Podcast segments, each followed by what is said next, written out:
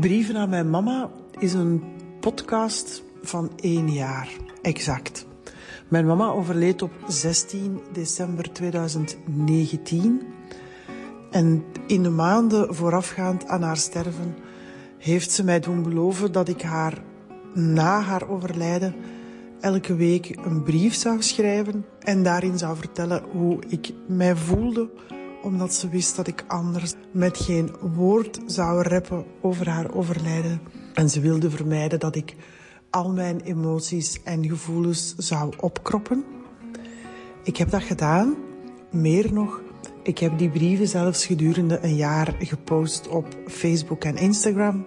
Ik heb ontdekt dat ik daarmee heel veel mensen heb gesteund en geïnspireerd. En na dat jaar heb ik gedacht van ik ga hier ooit meer mee doen. De idee was om daar een brievenbundel van te maken.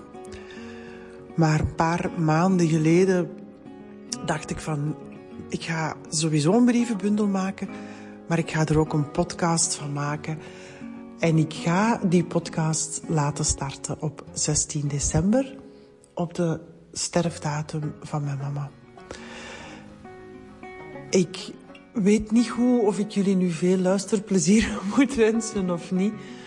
Maar ik hoop in ieder geval wel dat als je luistert, dat je je gesteund gaat voelen, geïnspireerd gaat voelen en vooral gaat beseffen wat het wat het betekent om met iemand die stervende is, toch nog die hele diepe gesprekken te hebben, die we heel vaak proberen te vermijden omdat ze te intens zijn. Thank you.